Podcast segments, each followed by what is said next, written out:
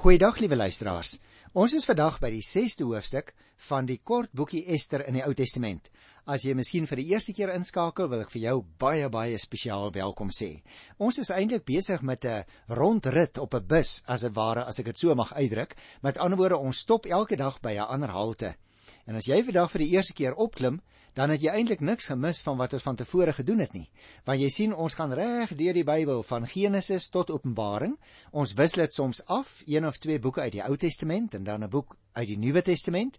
En as ons so die Here wil, uiteindelik aan die einde van Openbaring kom, dan gaan ons weer by Genesis begin uitsaai. So baie hartlik welkom en ook aan ons gereelde luisteraars. Dit is 'n voorreg om julle te mag gesels en dit is ook lekker om na die briewe te kyk wat so gereeld inkom en ek sê daarmee ook sommer baie dankie vir 'n hele spannetjie mense wat ons help om sommige van die briewe te beantwoord want ek self kan nie almal hanteer nie.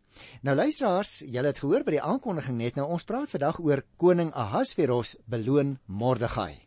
Nou Ahasveros, sal jy nog onthou as jy gereeld luister, was natuurlik die Persiese koning op daardie stadium in die geskiedenis. En Ester was 'n pragtige jong Joodse meisie wat hy vir homself as vrou geneem het nadat hy sy eie vrou laat doodmaak het.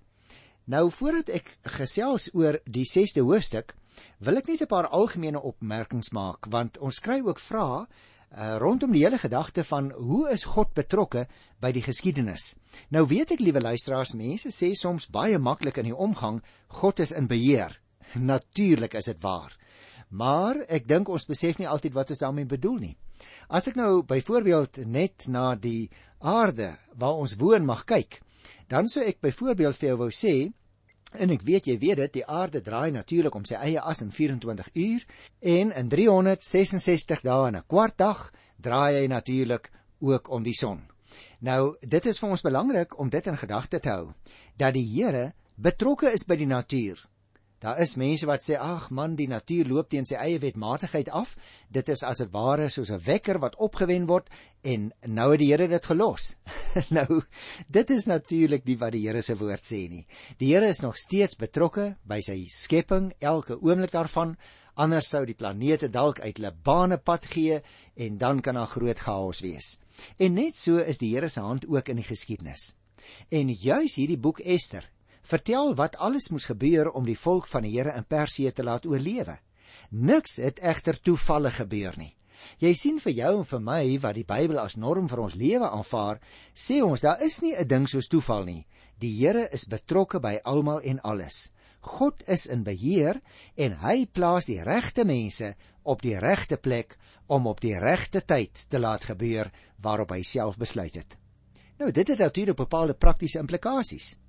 Jy en ek hoef nie vir een oomblik te twyfel dat God nie in beheer is nie. Ons moet net nie ongeduldig raak as alles nie dadelik gebeur soos ons dit wil hê nie. Die Here se tyd is die beste en ons moet op hom wag. En wanneer dinge soms gebeur anders as wat jy en ek hoop en bid, dan is dit soms 'n nee antwoord van die kant van die Here. Dis nie dat hy nie ons gebede beantwoord nie, maar hy mag net soos 'n ouer vir sy kind soms moet sê nee. Net so kan die Here ook soms vir ons sê nee. Ek wil ook nog omdat ons hier herhaaldelik in hierdie gedeelte lees van onthale en feeste 'n kort opmerking daaroor maak voordat ek by die hoofstuk kom. Jy sien daar vind in die boek Ester verskillende onthale en feeste plaas. Dit is elke keer iets te maak met die vraag wie in beheer is. Die Purimfees byvoorbeeld getuig daarvan dat God in beheer is. Hy kan selfs die gedigte mag van die koning so laat manipuleer dat uitwissing in oorwinning omgekeer word. En dit het ek al vir jou verduidelik, is presies wat in die boek Ester gebeur, want Mordegai wou al die Jode uitwis wat in die land was. En daar vind bepaalde dinge plaas waar die Here ingryp sonder dat Mordegai dit agterkom waar die Here selfs die heidense koning, die Persiese koning Ahasveros gebruik om in te gryp sodat die Jode van uitwissing gered word. Dis belangrik dat ons sal onthou ook ons kerklike feeste is natuurlik herinnerings aan God se beheer oor die geskiedenis. Kom ek herinner jou byvoorbeeld aan Kersfees. Ons weet vandag die Here Jesus is nie wat ons vandag op 25 Desember as Kersfees vier gebore nie. Dit was heel waarskynlik selfs 'n ander tyd van die jaar. Dit was verseker nie in die jaartelling wat ons handhaaf nie. Want jy sien toe die paus op 'n dag 'n kardinaal of wat opdrag gegee het om uit te werk hoe lank na Christus is ons in die geskiedenis op daardie stadium. Toe was daar 'n berekeningsfout. Maar nou kan ons nie die almanak en al die geskiedenisboeke met waarskynlik tussen 4 en 7 jaar regstel nie. Ons handhaaf dit nou maar, maar ons hou maar net in gedagte dat dit nie dag en datum 25 Desember was dat die Here Jesus gebore is in Bethlehem nie. Maar dit is nie regtig van belang of dit nou presies daardie datum was nie. Ons getuig deur die feeste wat ons vier van al die wonderlike dinge wat God laat gebeur het om ons te red en te verlos. Daarom gaan dit nie van ons oor die presiese dag of die datum nie, maar die gebeurtenis wat in die geskiedenis plaasgevind het wat God gereël het dat sy seun juis soos wat Paulus skrywe in die volheid van die tyd na die wêreld gestuur het. Nou goed, As ons nou kom by Ester die 6ste hoofstuk, dan kry ons ook bepaalde aanduidings van hoe dat die Here in beheer bly. Al is dit by wyse van die Persiese heidense koning, koning Ahasveros wat glad nie die Here ken of hom bely of aanbid nie. Voordat ek vers vir vers hierdeur gaan, gaan ek vir jou kort oorsig gee want dit voel altyd vir my dat mense die verhaal so bietjie beter verstaan as jy eers in die breë trekke kyk en dan so bietjie ingrawe in die detail. Hierdie episode wat ek gaan behandel, liewe luisteraar, bestaan uit 'n eintlik uit 'n hele reeks skynbare en ek sê dit in aanhalingstekens toevallighede en ironiese wendings. Daarom het ek begin deur opmerkings te maak oor God se beheer en God se betrokkenheid by die geskiedenis wat vir die gewone ou as toevallighede lyk. Maar dit erken ons natuurlik nie. Jy sien, deur 'n eienaardige sameloop van omstandighede word Haman verneder en Mordegai vereer. Toevallig in aanhalingstekens kom die koning in die paleisgeskiedenis op die insident af waar Mordegai sy lewe gered het. Jy sal onthou ons het daaroor gepraat in die tweede hoofstuk van die 19de vers af. Weereens toevallig is hy nie al destyds daarvoor beloon nie en word hy nou beloon op 'n tydstip wat vir hom eintlik baie groter voordele inhou as wat dit destyds vir hom sou hê. Nou besleg dit boonop sommer te gelykertyd ook sy stryd teen Haman. En weer eens in aanhalingstekens toevallig kom Haman ook met net mooi op daardie tydstip daaraan. Hy het gekom om die koning te versoek om Mordegai te laat ophang. Van alle dinge in die wêreld moet hy Mordegai nou vereer. Met ander woorde, die Here keer die rolle presies om. Ironies genoeg, dink hy eers dat die koning hom wil vereer en stel hy iets voor wat juis vir hom oneer en diep vernedering bring uiteindelik. Alles gebeur vir Haman presies andersom as wat hy beplan het. Vir Mordegai kom daar weer onverwagte eer toe hy in die oomblik van krisis vasgevang was met die gedagte dat dit sy en sy volk se einde was. Haman kry sy verdiende loon hoor en Mordegai ontvang weer eens toevallig eer en aansien. En so luisteraar, so beskik die liewe Here dat die regte dinge op die regte tyd gebeur om die borgies vir sy volk uiteindelik heeltemal te verhang en hulle nie uitgemoor word nie. Op die vooraan van Ester se tweede onthaal vir die koning gebeur dus al die nodige dinge wat aan haar onthulling oor die bose plan teen haar volk die nodige steun sal verleen. Nou goed, kom ek lees dan die eerste 2 verse, dan verstaan ons nou die detail beter. Ek is by Ester die 6ste hoofstuk. Daardie nag kon die koning nie slaap nie en hy het opdrag gegee dat die annale gebring en aan hom voorgeles word. Daarin is toe opgeteken gevind dat dit Mordegai was wat vir Bigtan en Teres ontmasker het. Jy sal onthou hulle was twee paleisbeamptes van die koning wat poortwagters was en saam gesweer het om koning Ahasveros te vermoor. Nou goed, kom ons kyk na die detail van wat ek nou gelees het. Jy sien die belangrikste gebeurtenisse tydens die heerskappy van 'n bepaalde koning is natuurlik destyds in wat hier genoem word koninklike annale opgeteken. En dis baie belangrik, liewe luisteraar. Mis moontlik het jy geweet dat sommige van hierdie ou koninklike annale opgegrawe is deur die argeoloë. Op verskillende plekke het dit gebeur. En juis in Babylon, wat dan op 'n bepaalde stadium in die geskiedenis wat ons nou behandel onder Persiese beheer was, is daar heelwat van hierdie annale gevind. Jy sal onthou in 2001 met daardie nare Irakese oorlog is ongelukkig van hierdie ou ou werklik onvervangbare skatte daar in Irak heeltemal vernietig. En ons sal dit nooit weer kry nie. Gelukkig is van baie van die goed fotos geneem. Baie van die goed was reeds vertaal en dit gee vir ons baie baie goeie inligting uit die ou wêreld sodat ons om die waarheid te sê vandag meer weet van Bybelse tye as so 1000 jaar of wat gelede. Ons moet ook onthou dit wat hier in die tweede vers genoem word van daardie Bigtan en Teres wat probeer het om uh, sekere mense te vermoor. Ons moet onthou luisteraars, die dienaars wat hy daardie annale voorgeles het, het as dit ware toevallig afgekom op die inskrywing waar daar van die beplande aanslag op Ahasveros se lewe vertel word. Nou wonderlik dat dit aangeteken was destyds dat hulle dit kon lees en dat daarna nou ook in die Bybel verwys word. Ek lees vers 3 en 4. Luister. Toe vra die koning: Watter eerbewys en erkenning het Mordegai hiervoor ontvang? Die kamerpersoneel van die koning het geantwoord: Hy het niks ontvang nie. Toe vra die koning: Wie is in die voorhof?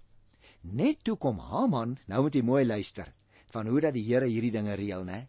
Net toe kom Haman aan in die buitenste voorhof van die paleis om met die koning aan te beveel dat Mordegai opgehang moet word aan die galg wat Haman vir hom opgerig het.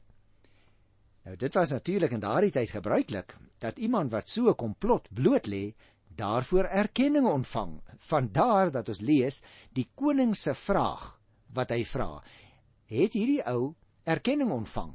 Nou hierdie vraag luisteraar veronderstel natuurlik dat Mordegai ook erkenning ontvang het.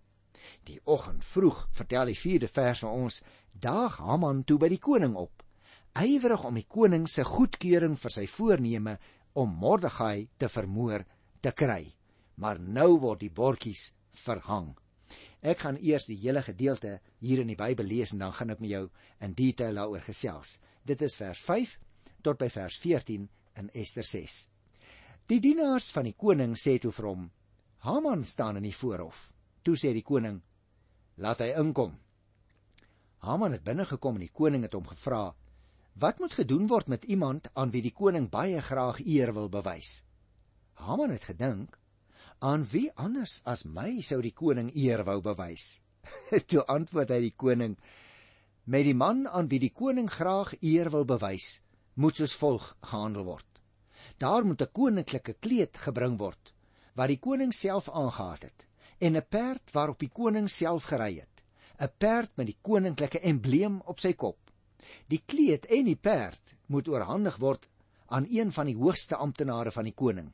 En die moet die kleed aantrek vir die man aan wie die koning graag eer wil bewys. Die amptenare moet die man dan op die perd oor die stadsplein laat ry en voor hom uit hardloop en sê: "So word gemaak met iemand aan wie die koning graag eer wil bewys." Nou voor ek verder lees, wil ek my net 'n oomblik onderbreek, liewe luisteraar. Jy merk dis op hier word 'n baie pragtige verhaal vertel van iemand wat vermoed die koning gaan aan hom eer bewys. En nou vra die koning nogal: As ek nou iemand wil eer bewys, wat moet ek doen? En dit gee natuurlik uh vir hierdie Haman die geleentheid om wonderlike dinge te noem wat hy graag sou wou hê aan homself moet gebeur. maar die bordjies gaan verhang word. Kom ek lees nou eers weer vers 10 tot by vers 14. Toe sê die koning vir Haman: "Vat dadelik die kleed en die perd en maak soos jy voorgestel het met die Jood Mordegai wat in die poort van die paleis sit. Jy moet niks nalat van wat jy voorgestel het nie." Nou, liewe luisteraar, ek dink Haman se hare het penreg opgestaan. Ek dink hy het hom moedeloos geskrik, want hy het gedink al hierdie eerbewyse gaan nou aan my betoon word. Ek wat Haman is. En nou sê die koning, jy moet nou so laat handel met die Jood Mordegai. Maar nou kan jy natuurlik verstaan, hierdie ou kan nie sommer weier nie. Want dan gaan die koning hom se muur laat doodmaak. So kom ek lees van vers 11 af. Haman het toe die kleed en die perd gevat, die kleed vir Mordegai aangetrek, hom oor die stadsplein laat ry en voor hom uitgeroep: "So word gemaak met iemand aan wie die koning graag eer wil bewys." Daarna het Mordegai terug na die poort van die paleis toe gegaan, maar Haman is haastig huis toe, ontnugter en skaam. nou, ek kan dit natuurlik baie goed verstaan dat die Bybel dit sê, nie waar nie, luisteraar.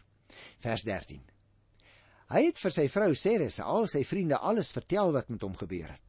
Sy raadgewers en sy vrou Ceres sê toe: As dit so is dat Mordegai voor wie jy hierdie eerste vernedering moes ondergaan tot die Joodse volk behoort, sal jy nie kan standhou voor hom nie. Vir hom sal jy heeltemal ondergaan. Terwyl hulle nog met hom praat, kom die paleisbeamptes van die koning en neem vir Haman vinnig na die onthaal toe wat Ester berei het. Jy sien, luisteraar, nou begin jy en ek beter verstaan hoekom ons eers moet gesels by die aanvang van die program oor die onthale en hoe dat selfs daardie onthale gereël is op 'n manier wat die mense nooit besef het die Here gaan dit gebruik as 'n wending in die geskiedenis sodat die Joodse volk op daardie stadium nie uitgeroei sou word nie. Dinge gebeur regtig nie toevallig nie, liewe luisteraar. Jy en ek is soms teleurgestel as dinge nie na ons sin en wil verloop of op die tydstip gebeur wat ons wou gehad het dit moet gebeur nie. Maar ek het net nou ook al vir jou sê gesê God se tyd is altyd die regte en die beste tyd. Die Here weet beter met ons lewens. Hoe sou jy en ek dit byvoorbeeld besluit wanneer 'n bepaalde persoon wat oud is of sieklik is doodgaan? Ag, kan jy jou voorstel hoe sou ons as familielede onder mekaar beklei wanneer een sou een ou sal sê, "Nee, ons moet bid dat hy nog eers lewe, want hy moet nog vir ons 'n bietjie raad gee oor belangrike dinge." Die ander persoon sal sê, "Man, sy lyding is te groot." En uiteindelik gaan mense uitmekaar spat. En daarom is dit ook belangrik dat jy en ek onvoorwaardelik sal buig voor die beskikking van die Here oor ons lewenslot wanneer ons gebore word en wanneer ons sterwe byvoorbeeld want jy sien die Here laat die regte ding op die beste tyd gebeur. Daarom kan jy en ek op die Here vertrou. En moet ons onsself ook gereed hou om op sy tyd te doen wat hy van ons verwag en op sy tyd te ontvang wat hy weet ons juis op 'n bepaalde stadium nodig het. As ek dit nou moet illustreer aan die hand van hierdie verhaal wat ek gelees het van vers 5 tot 14, dan is daar tog 'n paar baie belangrike dinge wat vir my uitstaan. Kom ons gesels daaroor.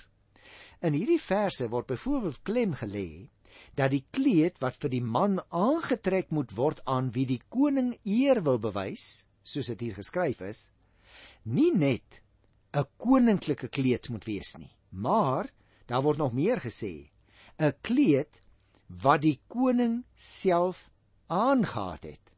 Nou jy sien luisteraar deur dit te sê dat een van die hoogste amptenare van die koning 'n belangrike rol moet speel in die gebeurtenis, word die spanning by jou en my wat die leser is van die verhaal opgebou. Aangesien ons mos nou alreeds besef dat die rolle omgekeer gaan word. Ek het dit nou maar vir jou vooruitgesê, want dan kan ons makliker oplet na hierdie detail van die verhaal. Kom ek noem 'n praktiese voorbeeld vir ons eie tyd. As jy behoort aan 'n kerk wat kindertjies doop, dan het jy soms al gesien dat die rokkie wat aangetrek word, nou ja, soms is dit selfs vir seentjies wat klein rokkies dra nê by hulle doop en natuurlik vir die dogtertjies, dat daai rokkie soms baie graag aan die mense wat nou die oupa en die ouma is uitgewys word wanneer hulle sê hierdie rokkie kom uit die voorgeslagte. Dit het vir ons baie betekenis. Nou natuurlik, dit het niks met die doop te maak en die uh, liewe luisteraar, net so mense wat soms groot gedoop word, gebruik dieselfde groot uh, kleed wat hulle ouers miskien gedra het by hulle doop toe hulle tot bekering gekom het. Nou, dit is maar net so 'n praktiese gebruik. Dink net in ons tyd hoeveel honderde duisende rande word soms betaal deur iemand wat 'n rok of 'n pak wil bekom wat deur 'n baie beroemde rolprentster gedra is. So jy sien, dit is niks vreemds wat ons hier lees nie. Destyds was dit ook maar so. Hierdie man wat nou vereer moet word, Ag, hierdie ouens wil vreeslik graag hê hy moet 'n kleed dra wat die koning self aangehaat het. Nie omdat dit nou besondere betekenis het nie, maar is nou maar net lekker vir mense om te weet dit het by 'n besondere geleentheid wel ook al gebeur dat die koning die kleed aangehaat het. Nou lees ons ook in hierdie verse van die stadsplein. Die stadsplein was natuurlik die belangrikste openbare plek om iemand hier voor te stel. Ooh, dit het beteken dat sy gesag as dit ware amptelik aangekondig word sodat die hele koninkryk daarvan kon kennis neem. Mordegai se nasionaliteit was aan die koning bekend, so het ons in die 10de versie gelees. Maar hy het nie besef dat die Jode die volk was vir wie se uitdelging hy wat die koning is magtiging verleen het nie. En nou maak die koning as dit ware 'n ontdekking dat hierdie persoon Mordegai die koning se seelring gebruik het om 'n wet in die naam van die koning uit te vaardig, maar dit was al die tyd bedoel om die Jode as groep uit te roei. En daarom Haman se geheimhouding van destyds deur nie vir die koning te vertel dat hy so 'n wet in naam van die koning laat uitvaardig het nie. Daardie geheimhouding haal hom nou in vir hom wat Haman is. En hy word nou self die slagoffer daarvan. Hier in vers 6 tot 11, jy kan dit gerus lees weer 'n keer as jy wil. Jy sien, hierdie geheimhouding of verswyging van sekere feite is eintlik 'n literêre tegniek waarvan die skrywer van hierdie boek baie doeltreffend gebruik gemaak het. Haman se vrou en sy vriende en sy raadgewers lees ons word nou woorde in die mond gelê wat die verdere gebeure antisipeer. In teenstelling met hulle vroeëre advies, sê hulle nou dat Haman niks teen die Jode sal kan vermag nie. Die verteller is duidelik oortuig daarvan dat die Jode nie sal ondergaan nie. Die gebeure volg mekaar nou eintlik baie vinnig op, het jy dit opgemerk? En Haman kry nie kans om nuwe planne te bedink nie. Jy onthou nog en daarmee gaan ek afsluit. Haman was eintlik die bose ou in die verhaal. Dit was hy wat gesit het agter hierdie plan om die Jode te laat doodmaak. Dit was hy wat die wet laat uitvaardig het. Dit was hy wat die seelring van die koning wederregtelik gebruik het om 'n nuwe wet te promulgeer, soos ons nou in ons tyd sê. Want by ons werk dit mos nou ook so. Enige een kan nie sommer net 'n wet aankondig en nou word dit toegepas in die land nie. Nee, daar's 'n hele proses. Mense wat in kommissies werk in ons tyd. Mense wat dit uiteindelik aan 'n groter, belangriker raad voorlê soos die Senaat. En dan gaan dit uiteindelik eers na die staatspresident en dit is eers wanneer hy dit onderteken het dat dit wettig raak wanneer dit aangekondig word in die staatskoerant.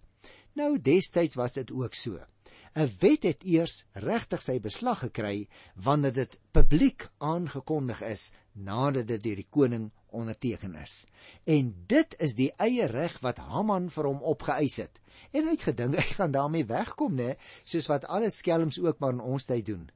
Maar uiteindelik kry boontjie sy loontjie.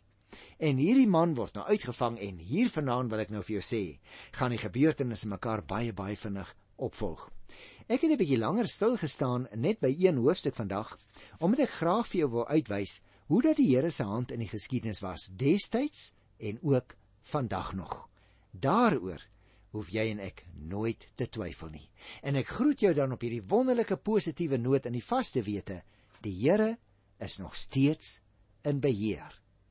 Tot volgende keer. Totsiens.